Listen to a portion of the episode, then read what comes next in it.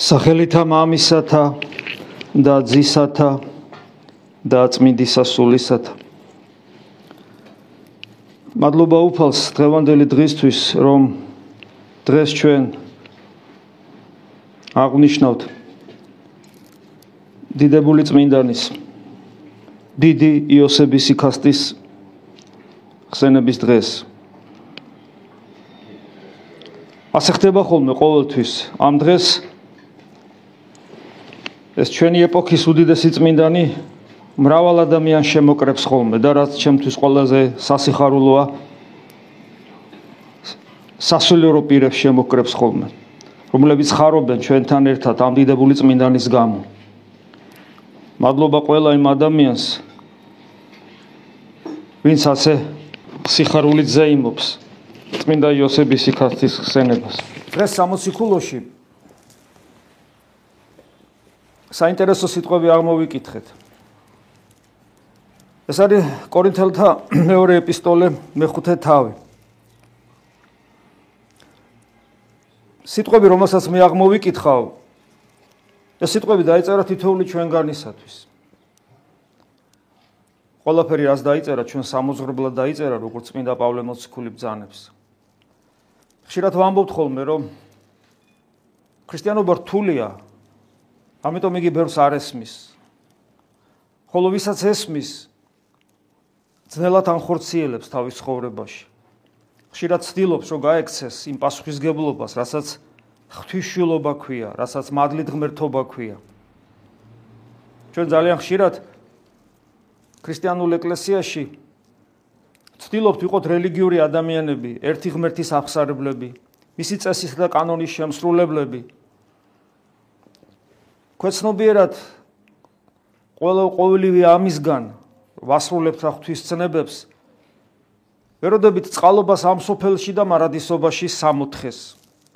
მაგრამ გვავიწყდება რომ ეს ყველაფერი რაც ჩამოვთვალე თავისთავად ქრისტიანობას არ ნიშნავს ქრისტიანობა ნიშნავს ღვთის შვილობას ქრისტიანობა ნიშნავს მადლით ღმერთობას და პირდაპირ გაგებით ეს ნიშნავს იმას რომ თითოეული ჩვენგანი ვალდებულია არა ის რომ მას შეუულია თუ არ შეუულია უნდა თუ არ უნდა ვალდებულია ქრისტეს მიბაძოს და მიემსგავსოს და ღვთაებრივი სრულყოფილებისაკენ ისწრაფოს ეს კიდე ძალზე რთულია. ჩვენ გუშინაც ვისაუბრეთ რომ ურთულესია და ხშირად გავურბივართ სწორედ აი ამ დიდებულ მოწოდებას. რისთვისაც ღმერთმა სამყარო შექმნა ღმერთმა სამყარო ჩვენთვის ადამიანებისათვის შექმნა ხოლო ადამიანი მოწოდებულია კიდევ ვიმეორებ არც მეტი არც ნაკლები მადლით ღმერთობისა და ღვთისშვილობისათვის.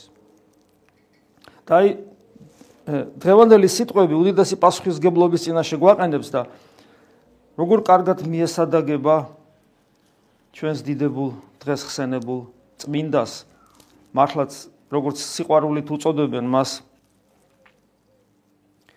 აა ბერძნულ სამყაროში მისი სულიერი შვილები ბაბუას, პაპუს, ანუ ბაბუას.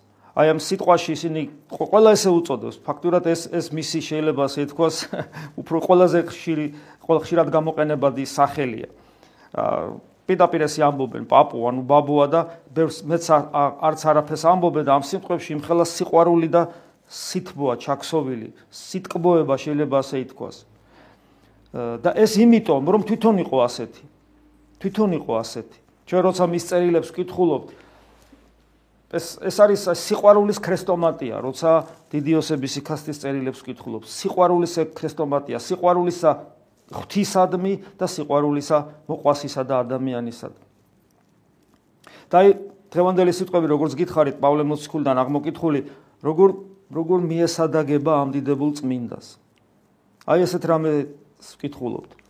ეს არის კორინთელთა მიმართ მეორე ეპისტოლე, მეხუთე თავია, მე-15 მუხლი. ის ანუ ქრისტეზეა საუბარი ის ყველასთვის მოკვდა.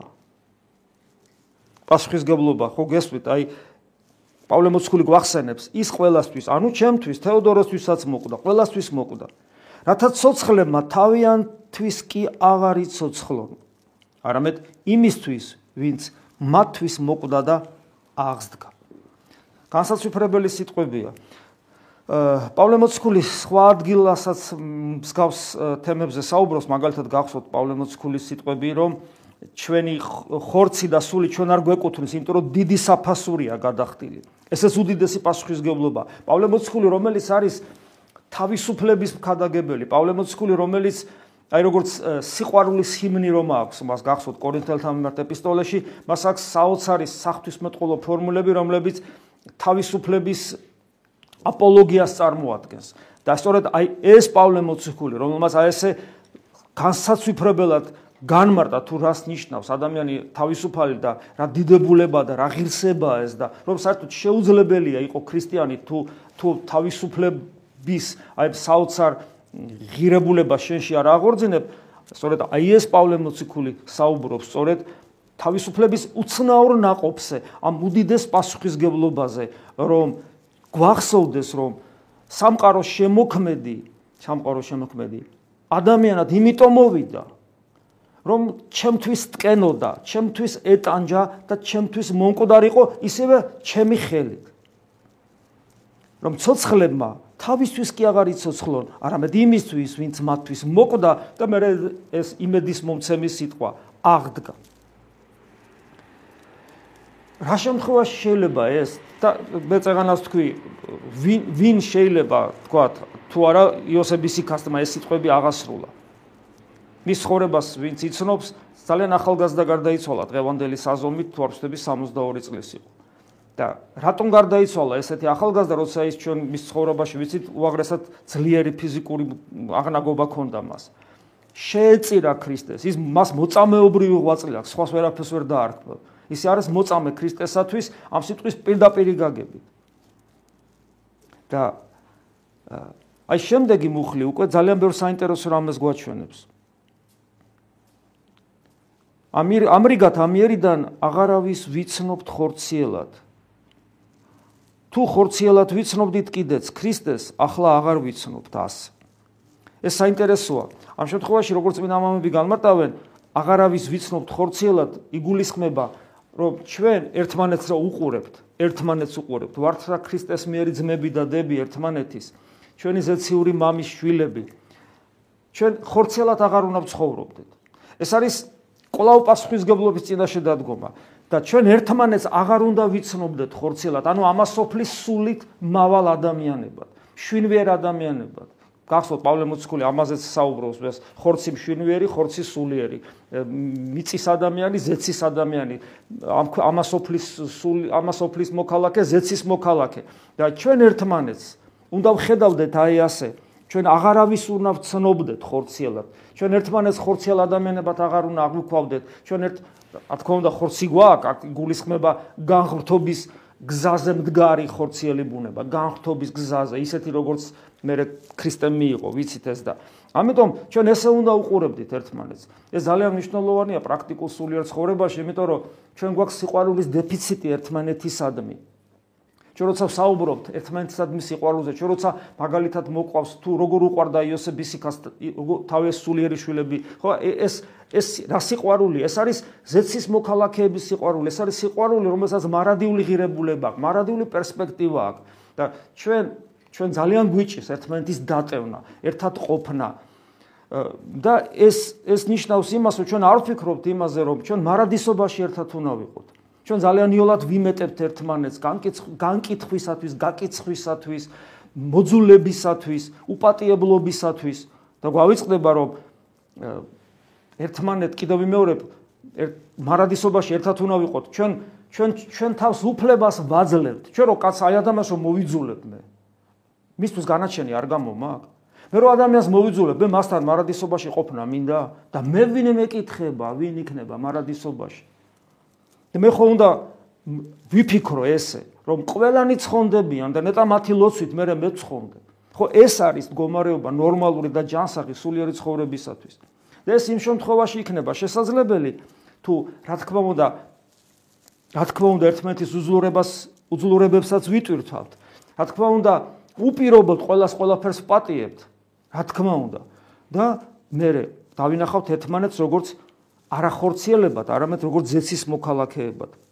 და ქრისტესაც ესია. ქრისტესაც ახლა აღარ ვიცნობთ ასე. ანუ ქრისტეს ბუნება შეიცვალა, გახსოვთ, ხო? ღვთის განგებით მას ჯერ ჩვენერი ბუნება ქონდა გარდაცოდვისა, მაგრამ უძლურება, უძლურებებს ატარებდა და ღვთის განგებითვე მისი ბუნება შეიცვალა და გახდა ისეთი, როგორიც შემდგომში ჩვენი ბუნება უნდა გახდეს.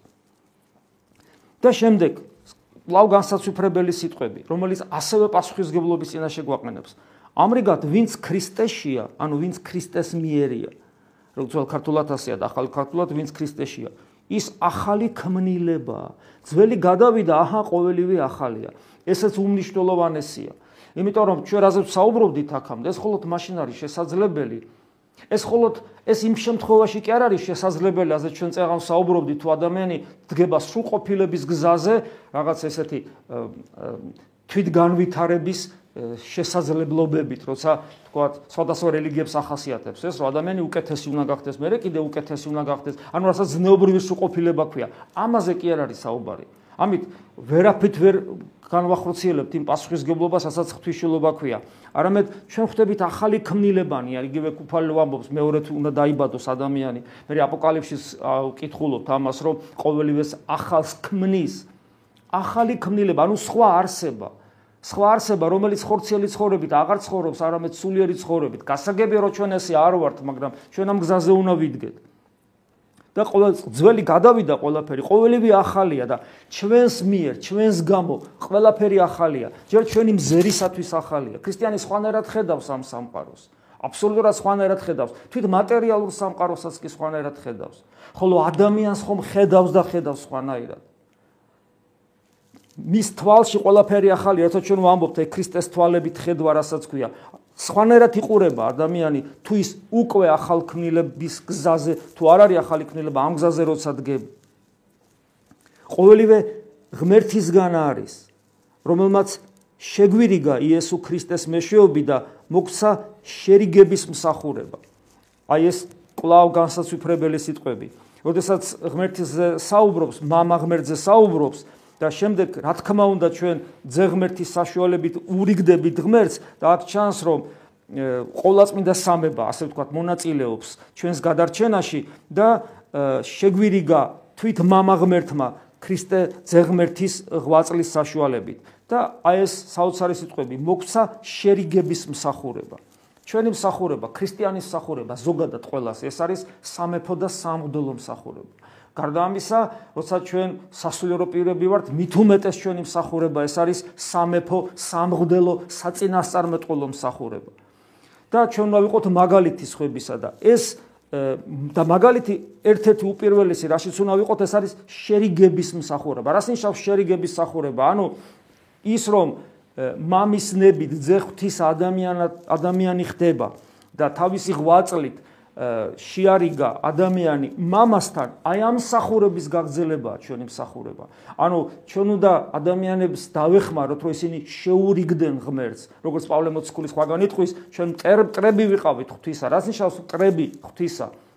ტრები ღვთისა ნიშნავს იმის იმას, რომ ის ზნეობრივი კანონი, რაც სამყაროში არსებობს, გარდა ფიზიკური და ბიოლოგიური კანონებისა, ის ზნეობრივი კანონი არ უნდა დაიღოს, არ შეიძლება მისი უგულვებელს ყოფა, იმიტომ რომ კიდევ მეორე ღმერთი არ არის მარტო ფიზიკური და ბიოლოგიური კანონების შემოქმედი. იგი ზნეობრივი კანონების შემოქმედია, ამიტომ ჩემთვის, როგორც ზნეობრივი არსებისათვის, ღმერთი ხდება საშინელი თავისი სიდიადით, იმიტომ რომ მე მუდმივად ვარღვევ ამ ზნეობრივ კანონს. აი ეს არის და ესე იგი, აი ეს შერიგება და მტერი ვიყავი ამიტომ ღვთისა. დაწყებული ადამიანის დაცემის მერე. და ქრისტეს ღვაწლის საშუალებით ჩემსა და ღმერთ შორის მტრობა განკარდა და ეს ქრისტემ გააკეთა და უცებ მეუნება რომ ჩემი მსახურებას როგორც მღდლისა შერიგების მსახურება. გესმით რამხელა პასუხისგებლობა ქრისტეს საქმეს გამგზელებელნი ვარ ჩვენ. სასულიერო პირები პირდაპირ და მაგრამ ყველა ქრისტიანი ვინც ვინც ქრისტიანად მოიაზრებს საკუთარ თავს, ვინც სამეფო და სამუდელო დასია, თითოეული ადამიანი არის შერიგების მსახური, შეიძლება ასე ითქვას. ამიტომ, როცა ჩვენ მოვდივართ და ვეზიარებით ამას ქვია მადლიერების სახურება, როცა ჩვენ ლოცვას სწავლობთ, როცა ჩვენ ჩვენს გულში ღმერთს ვეძებთ, ეს ყველაფერი ერთი სიტყვითაც კიდევ შეიძლება, როცა ჩვენ მისიონერულ საქმიანობას ვეწევით, ეს ყველაფერი ერთ საქმიანობად შეიძლება, ერთ სიტყვით შეიძლება გაერთიანდეს. ეს არის შერიგების მსახურება. ამ მსახურების მიზანი, მიზანი არის ადამიანების ღმერთთან მიყვანა, ადამიანებს დაეხმაროს, რომ ღმერთი შეიცნონ და მისი ერთგულნი გახდნენ. შემდეგ აგზელებს პავლე მოციქული, რადგან ღმერთმა ქრისტეში შეირიგა ქვეყნიერება და არ ჩაუთვალა ადამიანებს მათი დანაშაულებანი და გვიბოცა შერიგების სიტყვა. კვლავ, ესე იგი, იგივეა, აქ საუბრობს ისევ, რომ ესე იგი, ღმერთმა ქრისტეს მიერ შეირიგა ქვეყნიერება, ადამიანებს თავის დანაშაული არ ჩაუთვალა, ანუ რას ნიშნავს? ადამიანები აშავებენ დღესაც, მაგრამ უფალი შეიწყნარებს მათ, იმიტომ რომ ქრისტეს მსხვერპლი არის არა მარტო იმ დროინდელი ადამიანებისათვის, რომლებიც მაშინ ცხოვრობდნენ, რომლებიც მანამდე ცხოვრობენ, ცხოვრობდნენ, არამედ ყოველი ადამიანისათვის, მე რო ხვალ ცოდვას ჩავიდნენ, ჩემ მიერ ჩადენილი ცოდვა, ხვალ ხვალ ჩადენილი ცოდვის გამოც ტყიოდა ქრისტეს. აი ამაშია საქმე, მისი მსხვერპლი მარადისობას მოიცავს, თელ სამ სამყაროს მოიცავს. ამიტომ ჩემი ყოველი ცოდვა გამოსყიდულია და კლავაგზელებს და ჩვენ გვიბოძა შერიგების სიტყვა, ანუ ჩვენი სიტყვა ქმედითი უნდა იყოს, სწორედ აი ამ მიმართულებით. კიდევ სასულიერო პირებთან მიმართებაში, ესე იგი სასულიერო პირი მოწოდებულია, რომ გაუიოლოს ადამიანს ქრისტესთან მისავალი გზა. ყველაფერი გააკეთოს იმისათვის, რომ ადამიანი ქრისტესთან იოლად მივიდეს. იმიტომ რომ ღმერთმა ღმერთმა მისი ცოდვები იტვირთა და ჩვენ უნდა უბრალოდ გავაგებინოთ ადამიანებს და ზედმეტი დაბკოლება არ შეუქმნათ, როგორც ფარისევლები უქმნიდნენ დაბკოლებას, გახსოვთ, რომ ძიმეტვით საკიდებთო და თვითონ თითითაც კი არ შეეწევითო. მსგავს გომარეობაში არ უნდა აღმოჩნდეთ. ჩვენ არ უნდა ჩვენ არა ვართ ჩვენ არა ვართ უფალნი, ჩვენ უფლის მსახურნი ვართ იმ საქმეში, რომელიც მან დაიწყო და ჩვენ ვაგზელებთ. ესეც რამხელა პასუხისგებლობაა და ჩვენი სიტყვა ამიტომ უნდა იყოს სწორედ აი ესეთი ადამიანებისათვის ნუგეშის ადამიანებისათვის ნუგეშის ცემელი სიტყვა. ამგვარად ჩვენ ქრისტეს მაცნეები ვართ და თავად ღმერთი შეგაგონებთ ჩვენი მეშვეობით. ეხლა ნუ ამას კითხულობს, თქვა ერთ-ერთი მღვდელი ჩემი სახით და დამერწმუნდეთ, რომ ჩემთვის ეს სიტყვები არის ძალიან საშიში და კიდევ კიდევ ერთხელ დამაფიქრებელი, მამხილებელი, აი როგორც სილის გაწნა, წმინდა წერის ექთვისება აქვს, ცივწყალს გადაგასხავს, სილას გაგაწნავს, კიდევ ერთხელ გამოგაფხიზლებს. ნახეთ რა წერია. ამგვარად ჩვენ ქრისტეს მაცნები ვართ, ანუ მე ჩემზეა საუბარი, ყოველ თითოეულ ჩვენგანზეა და კიდევ ვიმეორებ ერის ადამიანებზეც ჩვენ როცა გავდივართ გარეთ ერის ადამიანები, ჩვენ ჩვენი პასუხისგებლობით სამღდელო მსახურება გვაქვს. ოღონდ რა თქმა უნდა ფორმა განსხვავებულია, მაგრამ ჩვენი ცხოვრების წესი ჩვენი სახურება სამგდელო მსახურება თითოეული ერის ადამიანის გულში უნდა აღესრულებოდეს ლიტურგია გონების მიერ ლოცვა რასაც ქვია და თავის ცხოვრების წესით უნდა ანათებდეს ნათელი უნდა იყოს ამასოფლისა და ქადაგებდეს თავის ცხოვრების წესით და აი მას ნიშნავდა ღუდელს ხო პირდაპირ ევალება ეს და ჩვენ ქრისტეს მაცნეები ვართ და თავად ღმერთი შეგაგონებთ ჩვენი მეშვეობით გახსოვთ? აი გუშინაც საუბრობდით ამაზე რომ მღვდლის მღვდელ საწინასწარმეტყველო მსახურება მღვდლობის ახალი აღთმის მღვდლობის მერე წინასწარმეტყველობის მსახურება პრინციპში გაუქმებელია იმიტომ რომ ეს ფუნქცია მღვდლობა მღვდელმა აიღო მღვდლობაში შეთავსებულია. და წინასწარმეტყველობაში გუშინაც გითხარით იგულისხმება წერასარმეტყველო მსახურებაში არა მკითხაობა, არამედ ღვთისნების განცხადება და როგორ უნდა განვაცხადო? ღვთისნება მე თუ ღვთისნება მე თავად არ ვიცი. და ღვთისნება განცხადებულია ყველგან წმინდა წერილში, წმინდა მამებთან, ლოცვით ტექსტებში, ევქარისტიულ მსახურებაში, ჩემს ყოველდღიურ ცხოვრებაში, ჩემს გარშემო ცხადდება ღვთისნება, ჩემს ურთიერთობებში ადამიანთან მე ამის გაგება წაკითხვა უნდა შემეძლოს, მაგრამ ეს წაიკითხება მხოლოდ და მხოლოდ სიმდაბლით გამოვლენილს ღვთისნების და ღვთის სიტყვის გაგონებაში, რომელსაც ჩვენ მორჩილებას უწოდებთ. და ამიტომაც აი ეგ რო წერია რომ თავად ღმერთი შეგაგონებთ ჩვენს მიერ, ესე იგი ჩემი სიტყვა და ღვთის სიტყვა ერთი და იგივე უნდა იყოს, არა მარტო თეორიულად, უგუშინას გითხარით, გახსოვთ, თეორიულად ყველაფერი დაწერილია. გან რა უნდა თქვას დღეს ღდელმა ახალი 21 საუკუნე. ყველაფერი წერია. წმინდა წერილი ათასნაირად განმარტებულია. და თუ რაიმეს ესე იგი თქმა გინდა ახალის ვერაფერს ვერ იტყვი წმინდა ტომები და ტომებია დაწერილი. აბა რას ნიშნავს რომ ესე იგი ჩემი როგორც სასულიერო პირის სიტყვა უნდა იყოს თავად ღმერთის შეგონება? ეს არის არა თეორია რომელიც შეიძლება ძალიან სწორად თქვა არამედ ის საფრთხო ძალა და ენერგია რომელიც გარეშეც ღვთის სიტყვა წარმოთქმული აზრს კარგავს, მაშინ ციგნები ვიკითხოთ და მორჩა. ციგნები უნდა ვიკითხოთ, მაგრამ მაგრამ მაშინ უნდა დაუდუმდეთ ყველა, იმიტომ რომ აზრი აღარ აქვს არაფრის ლაპარაკს, ყველაფერი ნათქვამია, მაგრამ სიტყვას ძალა უნდა ახლდეს და ეს ძალა მაშინ ახლავს სიტყვას, ოდესაც სიტყვის მთქმელმა იცის, იცის ღმერთს რა უნდა ამ კონკრეტულ სიტუაციაში, ამ კონკრეტულ ადამიანთან, ამ ეპოქაში და ასე შემდეგ. კიდევ ერთხელ ჩანს აქ უდიდესი პასუხისგებლობა ჩვენი. და ხოლოდ ასე შეიძლება და მე ეს ეს ეს საოცარი სიტყვები პავლე მოციქულის რო აი მამობრივი სიტყვები შვილებისადმი ქრისტეს სახელით გევედრებით შეურიგდით ღმერთს და აი ეს საოცარი სიტყვები რო ქრისტეს სახელით ვევედრებით რომ ადამიანებს რომ უნდა ვებედროთ რომ ქრისტეს ღმერთ შეურიგდნენ აი ეს ეს არის ის სული რომელიც წმინდანებს ჰქონდა და ის სული რომელიც დიდ იოსებ ისიქას ჰქონდა. მე ძალიან მე პირადად მე ადრეს გითხარით ეს ძალიან მიხარია რომ ჩვენ სამრევლოში ამ დიდებული წმინდანის პატივისცემა დაიწყო მაშინ, როდესაც ის ჯერ კანონიზირებული არ იყო. ეს ჩვენი დამსახურება აბსოლუტურად არ არის. ამაზე სხვადასხვა დროს, სხვადასხვანაირად სხვადასხვა კუთხით გვისაუბრია, ეს იყო პირდაპირ ღვთის გამოცხადება, უფლისაგან გამოწვდილი ხელი. მადლობა უფალს ამისათვის, მადლობა უფალს ამისათვის, რომ აი ეს მოხდა ჩვენში და შემდგომ მისი კანონიზაციის მერე რა თქმა უნდა უფრო მეტი შესაძლებლობა მოგვეცა მისიონერობისა აი ამ კუთხით. ეს არის ძალიან მნიშვნელოვანი. ხშირად ამბობენ ხოლმე რომ როგორ რატო რატო ვამბობთ ამ სიტყვას, ხშირად ვახვიყენებთ ამ სიტყვას იოსების იქასტის სკოლა. თითქოს რაღაცნაირად ეკლესიაში რაღაც ცალკე რაღაც განყოფილებას ხსნით. ეს არის ვერ გაგება ან შეიძლება ჩვენ ვერ ვამბობთ ისე როგორც საჭიროა. როცა ჩვენ საუბრობთ იოსების იქასტის ღვაწლზე, ჯერთი მისი ღვაწლი ძალიან უცნაურია იმ პერიოდში, როცა იოსების ისიქასტი მოღვაწეობდა, ძალიან ბევრი დიდი მოღვაწე და წმინდანი იყო. ყველა ვიცით მათი სახელები იგივე, პაისი ათონელი, იგივე მართლა საოცარი წმინდანი სილვან ათონელი, მისი სულიერი შვილი წმინდა სოფრონ სახაროვი იგივე ინგლისელი, პორფირი კავსოკავილელი, რამდენი კიდე უამრავი წმინდანია, რომლებიც იმ პერიოდში მოღვაწეობდნენ.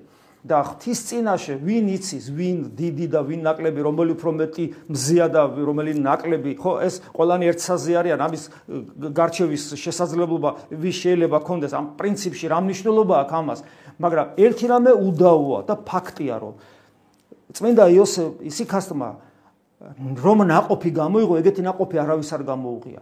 მე არ ვიცი რატო. მე მიფიქრია ამაზე, რატომ გამოიღო მან ასეთი ناقოფი და სხვა დარამჩენმა დიდებულმა წმინდანებმა, რომლებიც ასე გვასაზრდოებენ თავიანთი თხუზულებებით და თავიანთი მეოხებით, რატო იმათ ესეთი ناقოფი არ გამოიღეს? რა რა არის ამაში? რა რა მიზეზი, რაში მდგომარეობს და მე არ ვიცი. რატო ერთადერთი პასუხი, ყველაზე სწორი პასუხი ჩემი აზრით ეს არის, რომ ღმერთმა გამოირჩია რატომღაც იოსებ ფიზიკასტი ამგვარი მოღვაწეობისათვის. და ეს მისი ناقოფები არის გლობალური, ძალიან დიდი, ფაქტობრივად მოციქულებრივი ღვაწლი აქვს, შეიძლება ასე ითქვას. და ну, რა თქმა უნდა, მას ჰქონდა სხვადასხვა ისეთ თვისებები, მაგრამ რომელს არ ჰქონდა? მაგალითად, მის ერთ-ერთი თვისება იყო რა გულმხურვალებითაც დაიწყო მან სულიერი ცხოვრება, არასოდეს არ განელებია მას ეს გულმხურვალება, სულ ყოველთვის ესე იგი ზემოდაზემოთ იწევდა, მაგრამ რომელს არ ქონა რომელს არ ქონდა დანარჩენებს რომელიც ჩამოთვალე. ყველა ესეთები არიან. ამიტომ ამაზე პასუხი არ არის. მაგრამ ეს არის ფაქტი, ეს არის რეალობა. როცა ჩვენ საუბრობთ სკოლაზე, აქ იგულისხმება, რომ მისი ღვაწლი არის ძალიან მოციქულებრივი. მოციქულებრივი, ანუ მისი ღვაწლის ناყოფი არის ის, რომ უამრავი ადამიანი გაქრისტიანდა. ხო, ეს არის ანუ მოციქულებრივი მოღვაწეობა ქონა. უშუალოდ მისგან არისო ეს. მისი მისმა შვილებმა გააკეთეს ეს, მაგრამ რა მნიშვნელობაა ის ამას წინასწარმეტყველებს, რომ ჩემი გარდაცვალების მერე თქვენ გაიშლები და მთელ სოფლიოში ესე იგი მოღვაწეებთ. და აი, რადგან მოციქულებრივია, ეს ნიშნავს იმას, რომ მოციქულთა სწავლება გაცოცხლდა. ეკლესია 2000 წლოვანი სკოლა, ქრისტიანობისა 2000 წლოვანი ცივილიზაცია, ქრისტიანობისა და ეკლესიის აი 2000 წლოვან პერიოდში უამრავი ისეთი პერიოდია, როცა შეიძლება თქვა ვიგულისხმოთ, რომ ცოტა მინავლებულია სულიერი ცხოვრება, ზოგჯერ უფრო ესე იგი ძლიერი ასულიერი ცხოვრება, ათონის თაზეც ეს იგზნობოდა, ყველგან იგზნობა საქართველოსშიც და სხვადასხვა ადგილებშიც. ამ ადამიანმა გააცოცხლა ევქარისტიული ცხოვრების ინტენსივობა და გონებისმიერი ლოცვა. და ამიტომ მას თანამედროვე მოღვაწეები ადარებენ ნიკოდიმოს თაწმინდას ევქარისტიული ცხოვრების აღორძინების გამო და გრიგოლ პალამას გონების მიერ ლოცვის აღორძინების გამო. და საოცარი ის არის რომ ნიკოდიმოს თაწმინდელისაგან და გრიგოლ პალამასგან განსხვავებით ეს იყო აკადემიური თვალსაზრისით გაუნათლებელი ადამიანი რომელსაც რომელსაც თვითონ ამბობს წერილებში რომ ცოტა კარგად დამიწერეო იმიტომ რომ ხო იციო მე წერა კითხვა ცოტა კარგად არ ვიციო და მიჭირს რომ რაღაცების გარჩევა და შენ წერილიდან ბევრი რაღაცა ვერ გავიგეო ესე იგი დამარცვლით კითხულობ. თავის წერილებში თვითონ წერს ამას. გესმით? ანუ თითქოს ღმერთმა ამორჩი ადამიანი რომელსაც ეს აკადემიური განათლება და განსაკუთრებული რაღაც ცოდნა არ ქონდა და მისა სიდიადე საფრთხო სიბზნისა მადლისა. როგორც პავლე მოციქული ამბობს ღმერთი რომ პავლეს ეუბნება უძლურებაში ვიქმ ჩემ ძალას. აი ესე. ანუ ღმერთმა გამოავლინა თავი. მის აი ამ აი ამ ადამიანში და მადლობა ღმერთს რომ მადლობა ღმერთს ყველაფრისათვის და მადლობა ღმერთს აი ამ ტაძრისათვის რომელიც შეიძლება ითქვას ძეგლია ამ დიდებული წმინდანისათა წმინდანისა და მისი საძმოსათვის დადგმული და მადლობა უფალს ყველა იმ ევქარისტიული მსახურებისათვის, რომელიც აი ამ დიდებულ ტაძარში იქნა აღდენილი და დღევანდელი დღისათვისაც. შეგვეციოს უფალი წმინდა იოსების სიკასტის და მისი საძმოს, მისი თანამოღვაწეების ლოცვითა და მეოხებით, რომ ყოფილიყავით გუმხურვალენი ისეთი, როგორიც თვითონ იყო და მისი მისი თანამოღვაწეები და ჩვენშიც გაცოცხლებული იყოს როგორც ლოცვა ჭეშმარიტი გონების მიერი ასევე წყურვილი ინტენსიური ევქარისტიული ცხოვრებისა. ამინ. მადლეუფლისა ჩვენისა იესო ქრისტესი და სიყვარული ღვთისა და მამისა და ზიარება სული საწმინდისა იყოს თქვენ ყოველთა თანა. ამინ.